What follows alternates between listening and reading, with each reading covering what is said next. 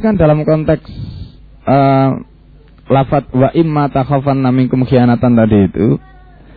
Nah, itu tidak ada satu dalil pun yang menjelaskan bahwa konteks ayat tadi itu memerintahkan harus ada mata-mata. Tetapi dengan adanya perintah agar kita itu mengembalikan pengkhianatan mereka dengan cara yang sama, itu dari mana kita ketahui? Ya, kalau tidak dari mata-mata. Itu pertama. Jadi karena itu pada zaman Rasulullah dahulu ada uh, Sari Abdullah bin Zakhos. Misalnya gitu ya. Ada Sari Abdullah bin Zakhos yang kemudian memonitor bagaimana orang-orang kafir. Ya, jadi menjadi mata-mata. Kemudian kalau nanti zaman modern mungkin uh, kita bisa menggunakan penyusup. Ya, menggunakan penyusup untuk masuk di negara kafir atau misalnya menggunakan satelit. Nah, jadi perintah. Jadi kalau Anda melihat film The Enemy of the State ya. ya. Jadi ini harus cerita kontaknya dengan ayat ini masalahnya. ya, supaya nyambung juga ya. Jadi jadi dalam film The Enemy of the State itu ceritanya ya ketika itu ada seorang lawyer ya yang dia ke, secara kebetulan itu melihat ada satu peristiwa pembunuhan yang dilakukan oleh salah seorang pejabat tinggi. Ya. Ya.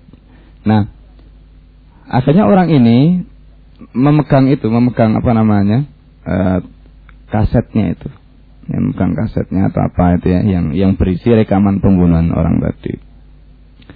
Nah, tetapi kemudian dalam cerita itu dijelaskan bahwa dia ini karena ini melibatkan pejabat tinggi yang bisa merusak reputasi politiknya, maka kemudian direkayasa dibalik opini bahwa si apa namanya lawyer inilah yang jadi penjahat itu. Nah ini kerja intelijen kemudian. Nah, jadi seluruh kegiatan dia itu mulai dari uh, hubungan dengan istrinya itu dimonitor sampai semuanya itu dimonitor ya. Jadi di rumah dia dipasang kamera, di mana-mana pasang kamera sampai di saku dia di mana-mana, sepatu dia, semuanya pasang monitor. Nah, ini ini cerita bagaimana intelijen kemudian waktu itu menggunakan berbagai cara dalam rangka untuk ini istilahnya uh, menjatuhkan orang yang menjadi target dia itu. Ya, itu cerita The Enemy of the State. Nah, jadi akhirnya kalau kita kembalikan dalam konteks tadi, apakah bisa nanti negara daulah Islam itu menggunakan begitu? Karena dalam cerita film itu, jadi bagaimana orang ini bisa dikontrol, bisa dimonitor dengan satelit. Ya, karena ada alat-alat yang dimasukkan di sepatunya, di pennya, semuanya diganti sama Intel ganti. Jadi kemudian masuk semua itu. Sehingga dari situ dia ke mana-mana bisa dimonitor dengan satelit.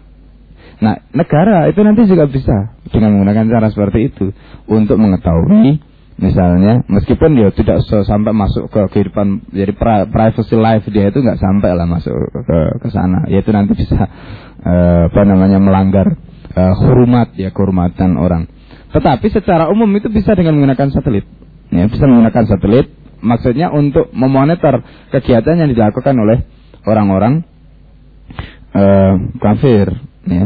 Termasuk di antaranya itu dalam pembahasan fikih itu nanti kalau misalnya ada kafir mustakmin yang masuk ke negeri Islam. Kafir mustakmin itu kan kondisinya ketika itu antara negara kafir harbi dengan negara Islam itu kan terjadi perang, ya kan? Nah, tetapi warga negaranya kan boleh masuk di negeri Islam dengan catatan untuk belajar Islam. Nah, kalau mereka mengerti hukum itu, itu mereka bisa menggunakan ini sebagai cara untuk melakukan penyusupan dengan justifikasi untuk belajar Islam. Nah, bagaimana supaya itu tidak terjadi? Ini juga bisa dimonitor dengan menggunakan tadi ya apa itu satelit atau apa sehingga bisa mengetahui gerak-gerik ini kafir mustakmin ini sehingga nanti e, tidak digunakan oleh orang kafir untuk melakukan penyusupan atau kegiatan espionase. Itu bisa. Nah, itu tidak ada dalil yang secara tegas menjelaskan begitu tapi menjadi konsekuensi dari perintah-perintah tadi wa imma takhafanna minhum ya min qaumin khianatan dan sebagainya atau ayat-ayat yang lain. Nah, maka adanya mata-mata yang memata-mata musuh tadi itu menjadi tuntutan dituntut oleh keabsahan pelaksanaan hukum itu. Jadi hukum itu nggak bisa dilakukan kalau tidak ada mata-mata tadi. Nah, contoh yang contoh yang lain lagi itu misalnya kayak gini nih. Jadi kalau apa namanya kita selalu menggunakan apa konteks malah itu wajib lebih wajib dengan adanya kutla itu kan sebenarnya juga begitu. Jadi menjadi konsekuensi dari pelaksanaan hukum yang memang itu tidak akan mungkin dilakukan kecuali dengan ini, gitu loh ya kecuali dengan ini. Nah itu sebenarnya kalau anda mengatakan bahwa dalil kita itu adalah malah itu wajib, sebenarnya tidak itu bukan dalil. Ya, itu bukan dalil. Tetapi logika itu bisa kita pakai untuk membangun berdasarkan ini apa namanya kaidah ini, ya kaidah yang ketiga ini. Ya, di mana mafhum dari kaidah yang ketiga ini memberikan peluang pada kita untuk melaksanakan sesuatu yang sebenarnya secara harfiah tidak diperintahkan tetapi menjadi mafhum. Ya menjadi mafhum yang bisa diperintahkan pada kita agar pelaksanaan kewajiban itu menjadi sempurna. Nah, itu. Itu baru nanti bisa kita pahami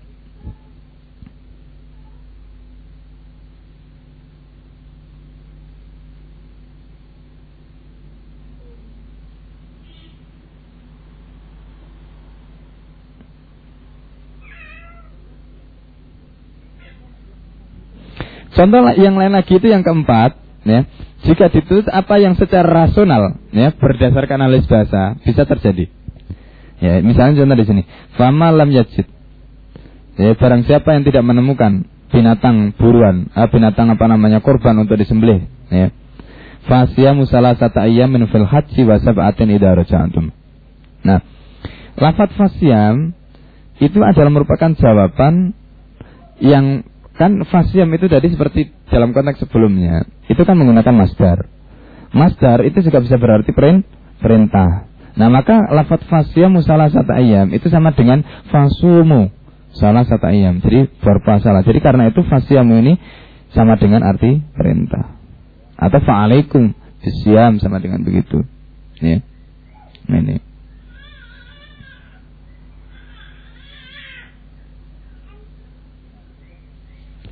Nah, kemudian yang yang lain ini, yang konotasi mana perintah dan larangan yang tidak real ini nggak terlalu penting. Jadi saya tidak akan bahas karena ini pembahasan balaghah saja. Ya, tidak ada kaitannya dengan uh, pembahasan yang yang apa namanya terkait dengan hukum secara langsung ya. Nah, justru yang penting itu pada halaman ini, halaman 146 itu. Jadi konotasi makna perintah dan larangan yang real. Nah, itu yang penting.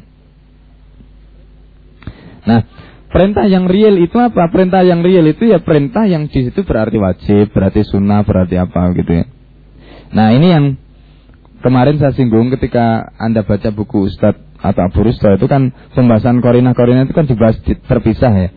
Nah, di dalam buku saya ini saya masukkan di dalam pembahasan ini, dalam pembahasan uh, perintah real ini. Jadi itu nanti pembahasannya ada korina-korina semuanya masuk di situ. Yang itu lebih, misalnya ini ini menurut saya itu lebih pas dalam arti ya ketika kita bicara soal korina, di mana relevansi korina dengan perintah tadi itu bisa langsung ketemu.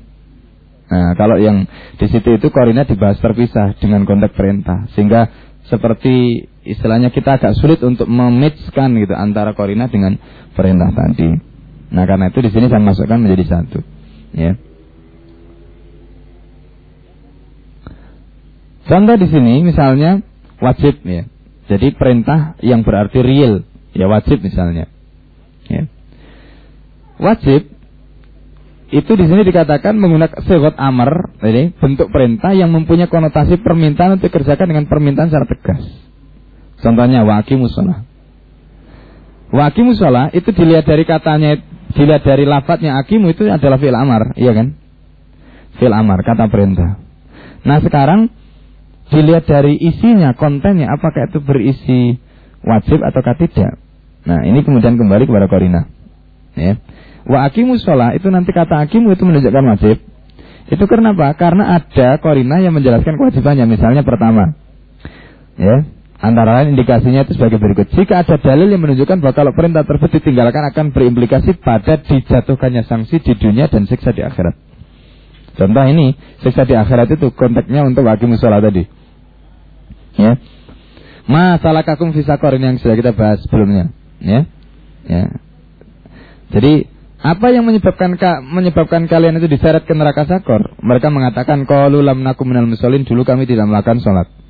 Nah, jadi orang yang tidak melakukan sholat dimasukkan neraka sakor, maka akimu itu berarti wah, wajib karena orang yang meninggalkan akimu membawa konsekuensi di siksa di akhirat. Yang kedua, jika di dalam di dalam perintah tadi itu ada perbuatan atau perkataan dilakukan secara terus menerus tanpa henti kecuali karena udur. Sehingga udur tersebut menjadi rukhsah, ampunan, ya, ataupun harus diganti. Ya.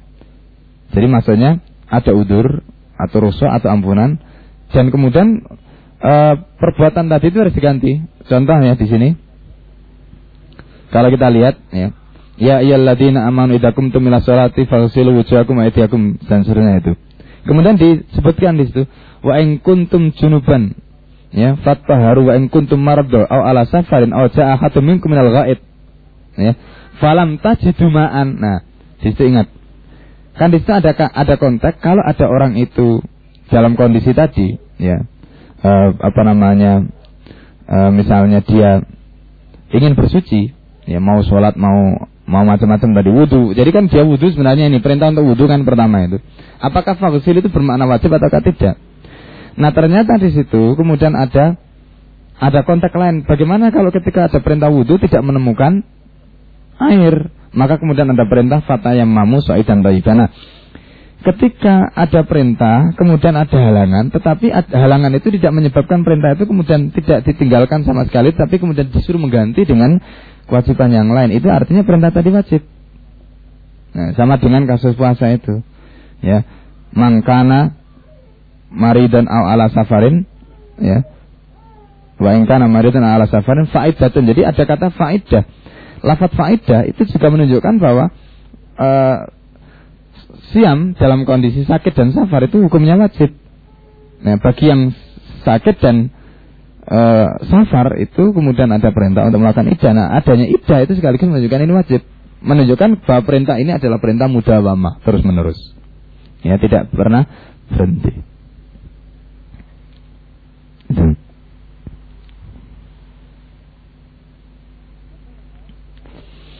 Contoh yang lain, jika ada penjelasan perintah yang hukumnya wajib atau kontennya dengan wajib atau mempunyai konotasi menjaga Islam. Contoh misalnya, konotasi menjaga Islam itu misalnya ini. Muru auladakum bisolah wa abna usab'i sinina wadribuhum alaihim wa hum abna'u ashrin wa farriqu bainahum fil madaji. Muru auladakum bisolah. Perintahlah anak kamu dengan sholat. Ini adalah perintah untuk menjaga Islam sebenarnya. Nah, jadi kalau perintah ini muru auladakum bisolah itu pada usia tujuh tahun, maka perintah itu wajib. Jadi jadi orang tua mulai anak itu satu tujuh tahun itu harus diperintah anaknya itu untuk sholat. Nah bahwa kemudian anaknya itu tidak menjalankan ya dan dia selama usia tujuh tahun itu nanti nggak boleh dipukul itu perkara lain gitu. Tapi yang jelas bahwa orang tua tetap harus menjalankan kewajiban. Ya, ini. Ya.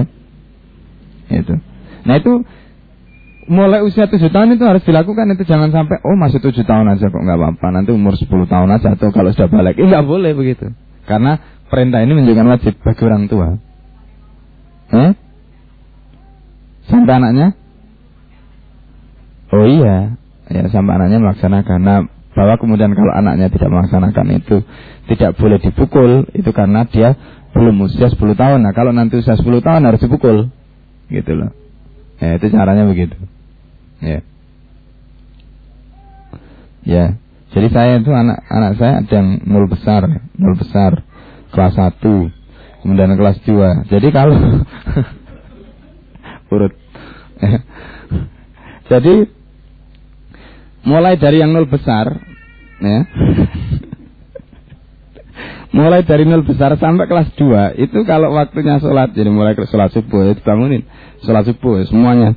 Jadi kalau misalnya e, mau lihat TV mau apa diingatin dulu. Sudah sholat belum? Nah, jadi kadang-kadang mereka ini yang belum belum sholat. jadi Jadi kadang-kadang yang kecil ya, malah yang kecil yang pandang imam itu, yang nol besar tuh pandang imam dia. Ya, jadi kan masih TK ya, TK kan diajari doa-doa yang bisa udah lupa. jadi ya. Uh, jadi itu apa anak-anak. Tapi ya paling enggak tadi, jadi kita harus membiasakan, membiasakan. Nah, kalau misalnya bisa kiamulail ya diajak bangunin. Meskipun kadang-kadang anak kecil itu sulit ya anak kecil itu sulit. Nah seperti ini misalnya puasa ya biasanya mereka bangun ya kalau jam 3 bangun bangun semua bangun ikut sahur dengan diajari puasa. Ini bagian dari perintah yang diwajibkan pada orang tua dalam rangka tadi untuk menjaga Islam. Kemudian yang keempat, jika ada penjelasan untuk melaksanakan perintah dengan pilihan sejumlah hukum yang telah ditentukan. Ya.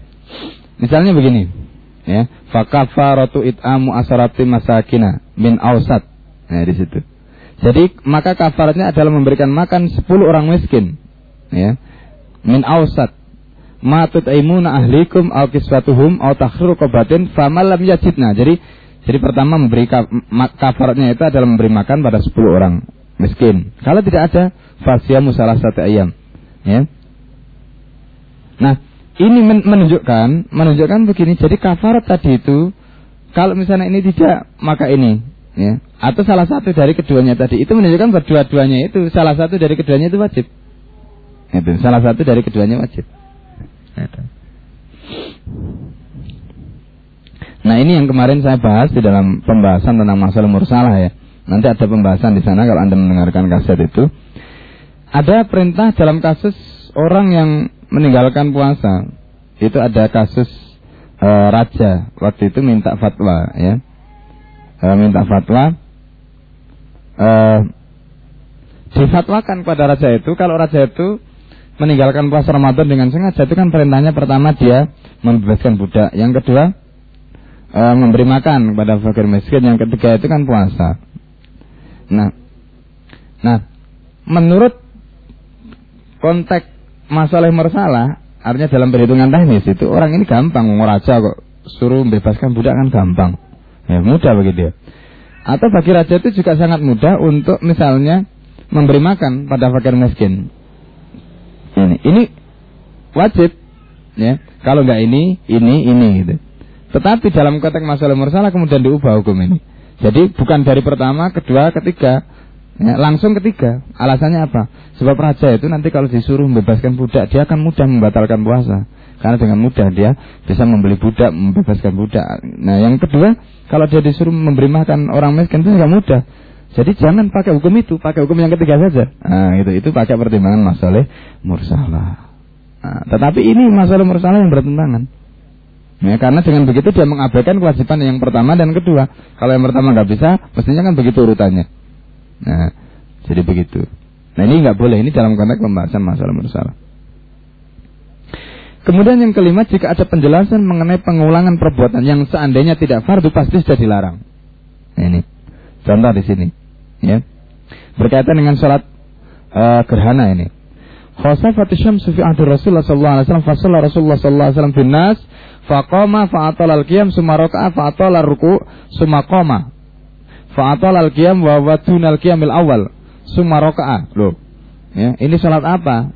Ya kan Wong rukuknya kok sampai dua kali fa'atal ruku wa wadun ruku al awal summa sajada fa'atal sujud. Nah jadi logikanya begini. Dalam logika sholat itu kan rukuknya cuma sekali. Loh ini kok rukuknya dua kali?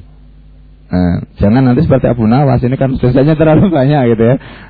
jadi nah, jadi kalau Rasulullah melakukan rukuk dua kali itu logikanya sebenarnya bertentangan dengan perintah asal. Selalu kamar itu menusali kan. Tetapi karena ini adalah perintah maka perkara itu kemudian tidak dilarang. Nah, jadi ketika perkara itu dilarang justru menunjukkan bahwa itu adalah perintah. Nah, karena hukum asalnya mestinya tidak ada kok tiba-tiba dilakukan. Nah itu sekaligus menunjukkan itu perintah.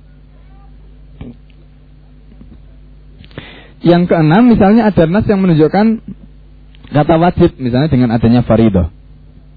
Ya, di dalam Al-Qur'an itu digunakan kata faridatan minallah ya, untuk konteks surat atau bayat 60 tentang zakat itu. Faridatan minallah itu menunjukkan bahwa itu wajib.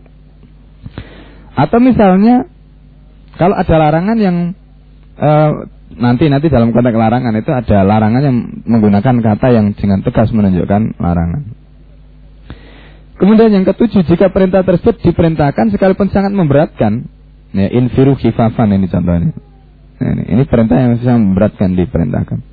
Yang kedelapan, jika perintah tersebut merupakan perintah yang akan menyempurnakan kewajiban, yang tambahnya kewajiban tersebut tidak akan sempurna. Contoh di sini ya, perintah mentaati ulil amri misalnya. Jadi kalau kita Anda lihat di situ ya. Perintah mentaati ulil amri, ulil amri itu hukumnya wajib ditaati. Ya. Nah, pertanyaan sekarang ulil amri ini enggak ada. Ulil amri ini enggak ada. Padahal perintah ini berjalan. Nah pertanyaannya kemudian apakah kemudian ada perintah dari syara untuk melaksanakan ketaatan pada sesuatu yang tidak ada kan nggak ada. Nah kalau ada perintah wa ulil amri minkum dan ulil amrinya itu tidak ada berarti itu juga sekaligus berarti perintah untuk mewujudkan ulil amri. Nah, ya dengan kata lain ini juga menjadi dalil wajibnya ada khalifah. Nah, gitu. bukan malah yatimul wajib lebih. Nah, gitu. Ya. Ini. Saya kemarin tuh sempat diskusi ya diskusi dengan uh, dosen saya dulu di bahasa Arab. Jadi dia kebetulan tidak setuju dengan khilafah. Nah, yang jadi dia bilang dia bilang sendiri, ya ini aliran khilafah, nah yang satunya aliran non khilafah. Nah, kemudian dia menjelaskan, jadi dalil-dalil yang dipakai untuk aliran khilafah itu malah yatimul wajib wajib wajib. Dia bilang begitu. Saya jelaskan bukan begitu maksudnya. Nah, saya jelaskan pakai ayat ini. Jadi logika tadi itu kalau kita bicara dalam konteks usul bisa masuk. Jadi ketika ulul amri minkum itu diperintahkan, sedangkan ulul amri itu tidak ada, padahal nggak mungkin pesara itu merintahkan untuk mentaati sesuatu yang tidak ada. Kalau ada perintah untuk mentaati sesuatu dan sesuatu tidak ada, itu berarti sekaligus perintah untuk mewujudkan yang ditaati. Itu pertama. Yang kedua, saya jelaskan juga. Lanjutan ayat ini, itu Allah katakan begini, fa in tanaza'tum fi syai'in rasul. Jadi fa in tanaza'tum fi syai'in rasul itu farutu ilallah itu artinya kembali kepada Allah. War rasul itu kembali kepada rasul. Nah, kembali pada Allah dan rasul itu berarti merujuk pada Al-Quran dan Sunnah. Merujuk pada Al-Quran dan Sunnah itu berarti merujuk pada hukum yang dinyatakan Al-Quran dan Sunnah.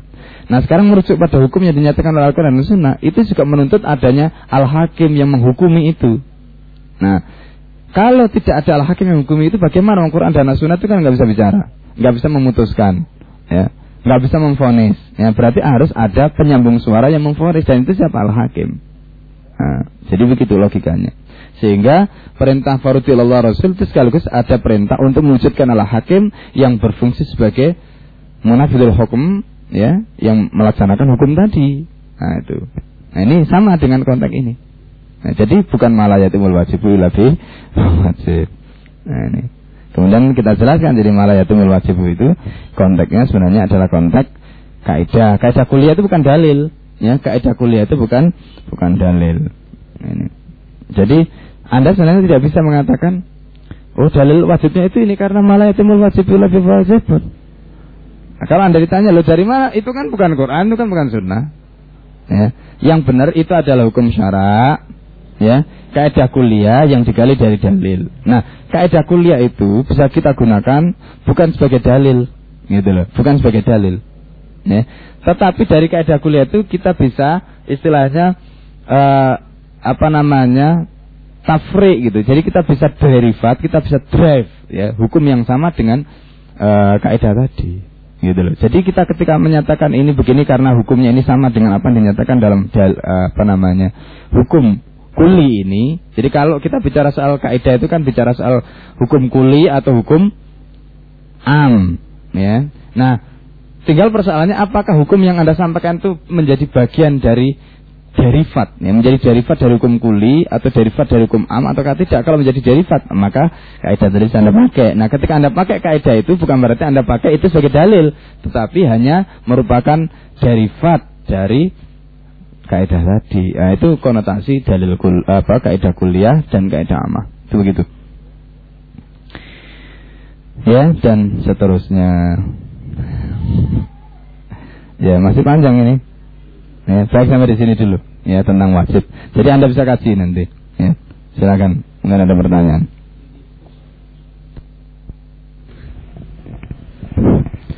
Jadi kadang-kadang lafat al, alif lam itu juga memang bisa berarti uh, seperti tadi artinya bisa berarti ahdi dikri. Ahdi dikri itu maksudnya ketika disebutkan itu kita langsung ingat. Jadi kita langsung ingat maksudnya itu oh ini konteksnya dengan momen ini gitu. Itu namanya ahdi dikri. Nah contoh misalnya Al-Quran mengatakan idhuma fil ghar ketika keduanya yaitu Abu Bakar dan Rasulullah fil ghar di dalam gua jadi begitu disebutkan fil ghor itu nggak perlu disebutkan ghor apa, itu orang sudah paham karena al ghor yang dimaksud di sini adalah gua gua apa? Gua sur. Ya. Jadi yang dimaksud di situ adalah gua sur dan bukan gua hiro gitu. Nah, al cukup disebutkan dengan lam saja. Itu yang dimaksud dengan ahdi zikri. Itu. Jadi maksudnya lam itu berfungsi untuk meng mengingatkan memanggil kembali memori kita. Ya. Akan momen ketika keduanya itu berada di dalam gua itu. Nah, gitu loh. Itu yang dimaksud. Nah, jadi memang ada yang seperti itu tetapi tidak semua al itu berarti begitu. Ya. Tidak semuanya berarti begitu. Jadi begitu ada lagi yang lain silakan.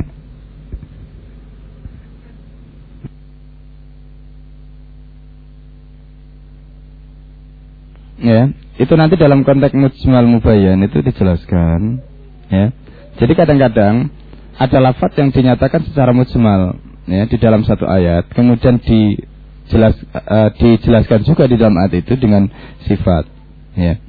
Uh, seperti lafaz misalnya wal takum minkum ummatun itu kalau kita berhenti sampai pada titik umat itu memang boleh kita katakan uh, umat yang seperti seperti apa gitu. Umat yang seperti apa. Maka kemudian ada penjelasan umat yang yad'unal khair wa ya'muruna bil ma'ruf.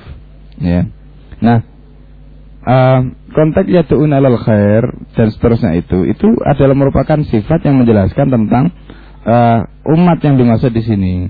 Ya, umat yang dimaksud di sini. Nah, bahwa kemudian apakah itu bisa konotasi yad'unal khair menyeru tadi itu bisa di e, sebagai seruan dalam bentuk pemikiran, kemudian e, yang lain ya misalnya Ya'muru nabil ma'ruf itu juga begitu. Apakah itu juga hanya berkaitan dengan seruan saja? E, kemudian lain hawa munkar juga begitu. Ataukah itu juga bisa berarti tawir dalam arti ya bahwa yang memang menjadi goal atau ending itu memang perubahan. Ya di mana prosesnya itu melalui proses fikriya gitu. Ya atau bagaimana? Ya. Nah seperti Al Ghazali itu menjelaskan fal yughair hubiyati itu memang secara fisik. Ya.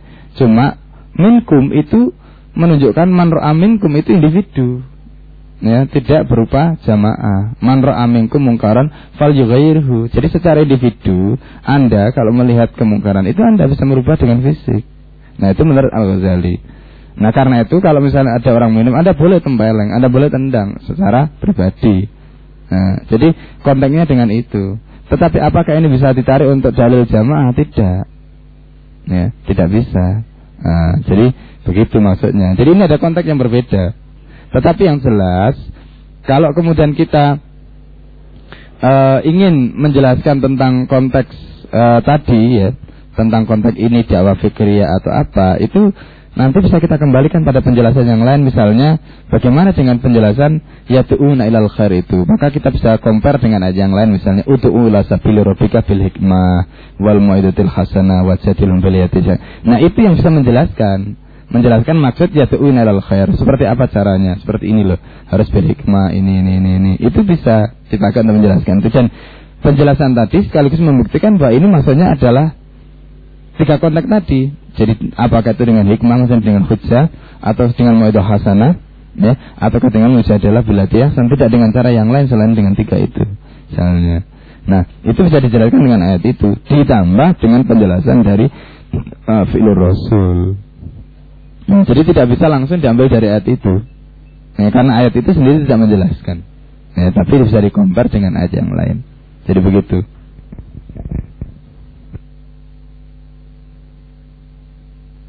Jadi kalau dikembalikan ke situ itu bisa wawunya itu bimana istilahnya bimana tartib ya, jadi bimana urutan. Maksudnya e, memang yang paling mudah itu kan infak gitu ya. Kalau e, anfusikum itu sulit ya. Jadi maksudnya bukan berarti urutan yang pertama itu yang lebih lebih ini tidak tetapi ini istilahnya dari kecil ke yang semakin tinggi gitu. Jadi bi anfusikum jadi bi amwalikum wa anfusikum ya dalam konteks yang lain juga diperintahkan wajah itu bi amwalikum jadi selalu dimulai dari amwalikum karena memang ini yang paling rendah yang paling mudah bi amwalikum wa anfusikum anfusikum biasanya dinyatakan terakhir karena itu memang uh, yang berat gitu itu yang berat jadi begitu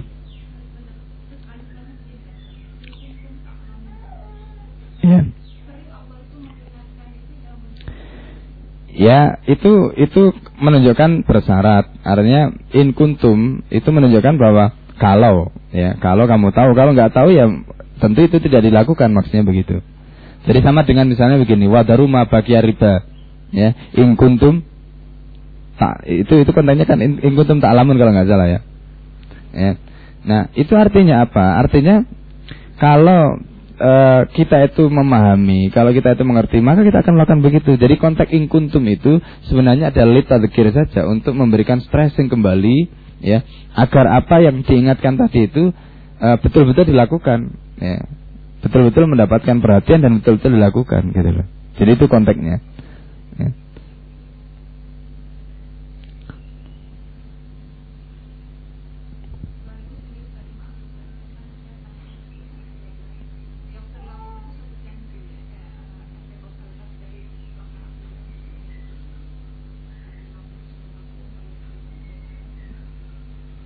Hmm, kenapa? Iya. Mm -mm. Jadi itu kan itu kan ini apa namanya? Jadi selain Allah itu menjanjikan kita selamat dari adab yang pedih, sebenarnya jawabannya itu cuma ayat itu, ayat uh, berapa itu? Sebelasnya itu, ya, tu'minu nabilah itu, ayat itu aja, ya. Jadi kalau kita lihat dari ayat itu, itu saja sebenarnya perintahnya. Kalian hendaknya beriman, hendaknya berjihad, ya. Nah, sedangkan yang pertama itu kan janji yang diberikan yaitu dengan jadi janji diselamatkan dari adab. Kemudian yang terakhir itu yaghfir lakum itu juga janji-janji bahwa kita akan diampuni. Itu itu ya.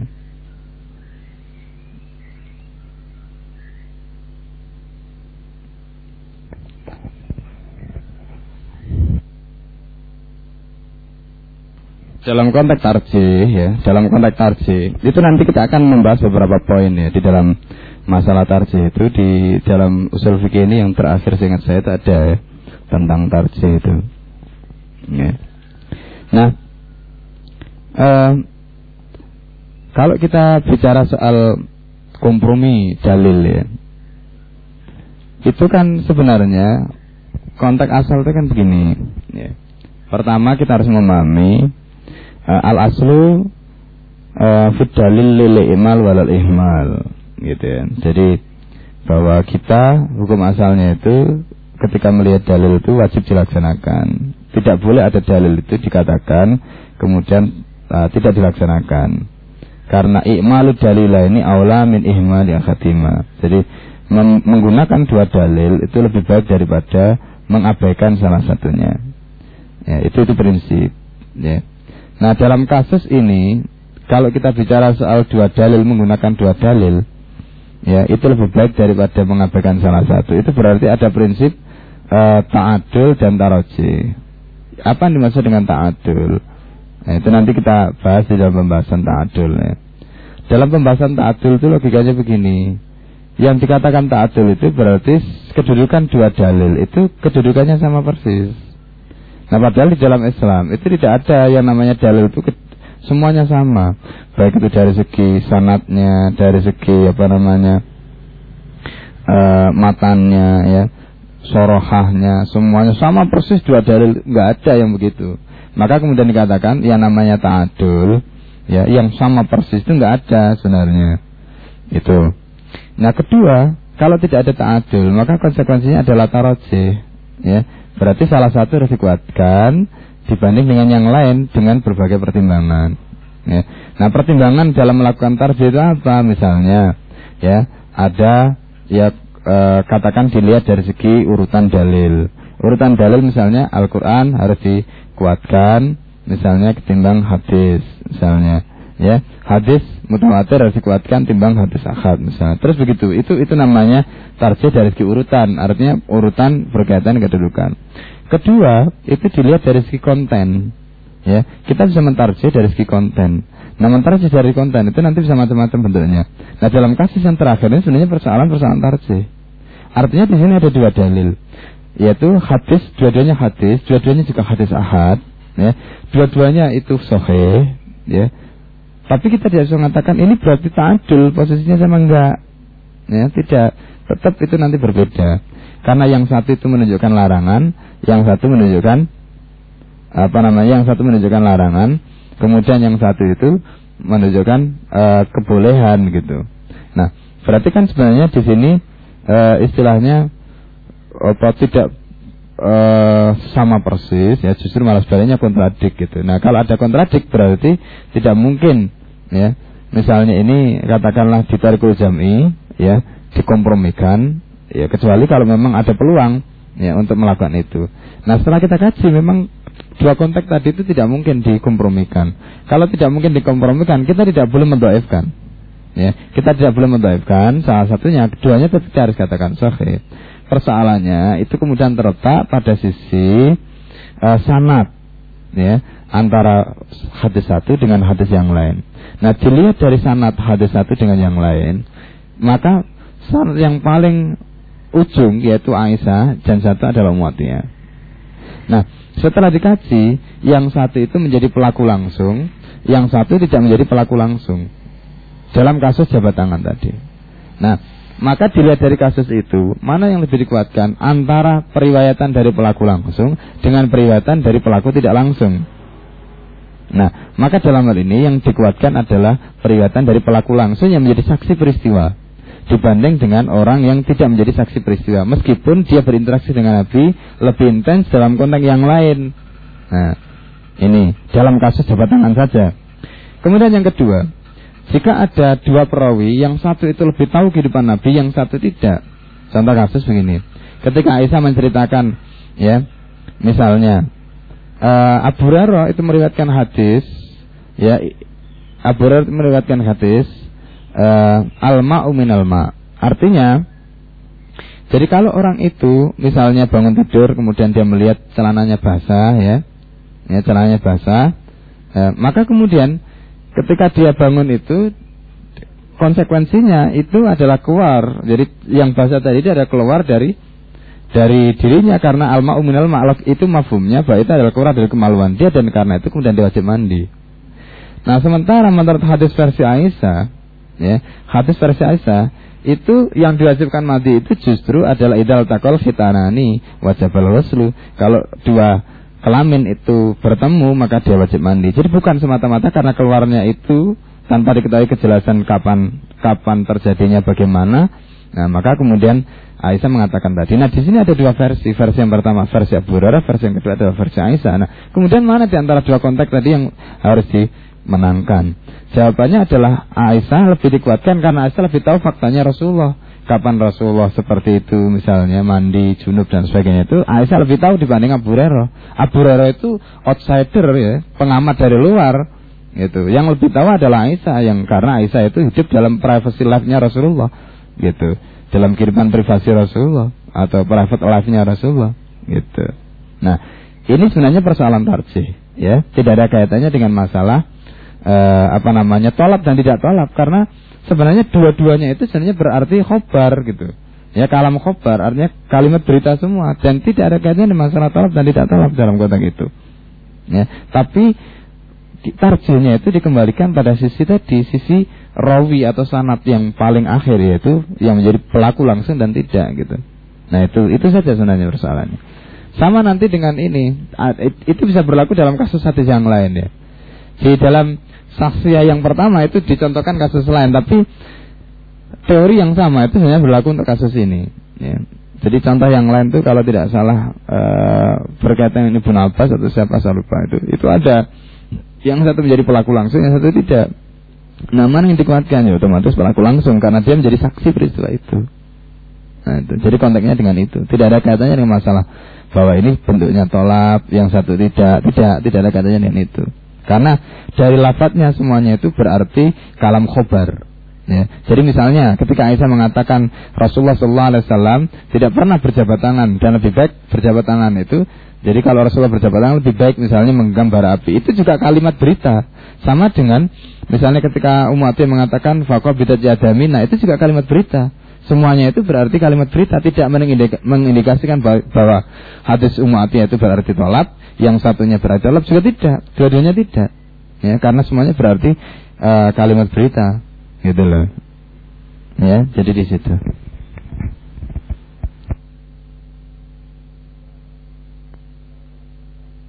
bicara dalam konteks uh, bahasa ya. Jadi penggunaan kata nahnu uh, penggunaan kata nahnu itu memang di dalam bahasa Arab itu bisa dua konteks sekaligus ya. Seperti kita mengatakan uh, kita ya dan kami. Kalau kami itu kan berarti kita terlibat di dalam pembicaraan atau sebagai bagian dari mutakalim ya apa namanya uh, pihak kedua ya pihak pertama yang yang berbicara. Nah kalau kita itu konotasinya lain. Tetapi di dalam bahasa Arab itu nahnu itu mempunyai dua konotasi itu. Itu pertama. Yang kedua, kata nahnu itu juga bisa berarti untuk takdim. Ya, artinya ketika dinyatakan itu tidak berarti untuk menunjukkan adat bahwa jumlah Allah itu banyak. Tapi lebih kepada e, penjelasan bahwa itu adalah takdim. Jadi kalau misalnya kita ingin membahasakan diri kita ya sebagai orang yang terhormat, kita harus mengatakan nahnu. Ya nahnu, kami itu itu menunjukkan bahwa kita menghormati diri kita, menunjukkan bahwa posisi kita itu terhormat. Gitu. Beda dengan anak, itu lain. Ya. ya, jadi begitu. Jadi kalau Allah mengatakan nahnu, ya, misalnya nahnu nazzalna dzikra atau nahnu apa yang itu konotasinya bahwa itu menunjukkan bahwa Allah ingin menunjukkan haibah ya, kebesaran Allah. Itu maksudnya. Kalau dalam bahasa Arab konotasi nahnu itu memang pengertiannya itu. Jadi konotasinya lita'adim tadi kebanyakan. Ya, bukan uh, semata-mata karena di situ jamak, ya. Jadi apalagi ketika Allah yang menyatakan itu, ya, ketika Allah yang menyatakan itu, itu biasanya ta'adim. Ya. Nah, kalau Allah mengatakan misalnya innani anallah, ya, itu itu karena Allah ingin menunjukkan wahdaniyahnya. Ya. Jadi Allah ingin menunjukkan bahwa Allah itu cuma satu. Innani anallah la ilaha illa ana. Itu menunjukkan bahwa karena Allah di situ tidak bicara soal takdim. Ya. Artinya Allah tidak bicara dalam konteks Allah itu sebagai mukhotib yang kemudian istilahnya menunjukkan dia tidak tetapi Allah ingin menunjukkan eksistensinya sebagai zat yang satu. Nah, jadi ketika Allah mengatakan innani anallah la ilaha illa ana fa'buduni itu artinya ya Allah satu. Nah ini Allah satu, jadi menunjukkan eksistensi keesaannya. Itu saja.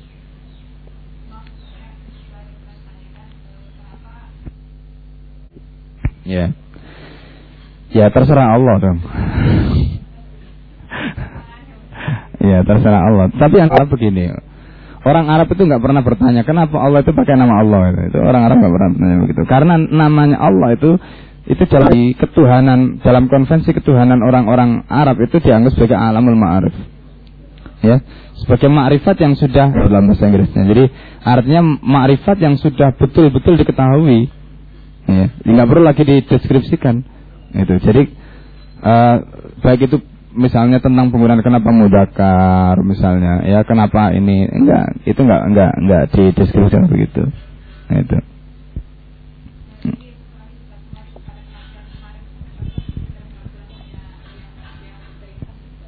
Apa? Ya.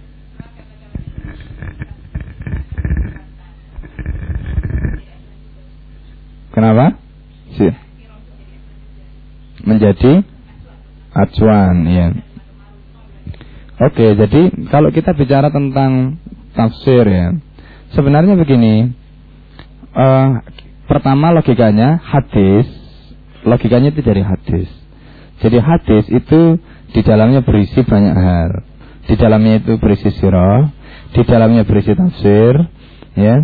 Ya di samping masalah tasyri itu hadis. Nah, kalau Anda bertanya, apakah uh, hadis itu uh, bisa dipakai sebagai materi tafsir? Bisa karena memang uh, tafsir itu salah satu bahannya adalah dari hadis. Tetapi antara tafsir, materi tafsir di dalam hadis dengan materi sirah itu dua konteks yang berbeda. Karena itu siro sebenarnya tidak bisa digunakan untuk menjelaskan uh, tafsir. Ya. Ini ini yang perlu kita pahami. Tetapi siro itu bisa difahami dengan menggunakan logika tafsir. Itu. Misalnya seperti kalau kita memahami ya katakanlah perjalanan dakwah Rasulullah dengan melalui urut-urutan ayat yang turun itu logikanya kita memahami surah dengan menggunakan logika tafsir, logika bagaimana ayat itu turun, logika misalnya kapan ini diturunkan, itu itu justru seperti itu bukan dibalik. Bukan berarti kemudian ayat itu difahami dengan logika terbalik. Artinya sirah yang dipakai untuk mengkaji uh, tafsir itu nggak bisa. Tapi kalau uh, Al-Quran atau tafsir itu difahami, ya pengertian ayat-ayat itu difahami untuk mengkaji atau untuk menjelaskan tentang sirah itu bisa. Ini di samping tadi itu karena hadis itu antara materi sirah dan tafsir memang berbeda konteksnya, berbeda konteksnya. Nah, itu, ya itu.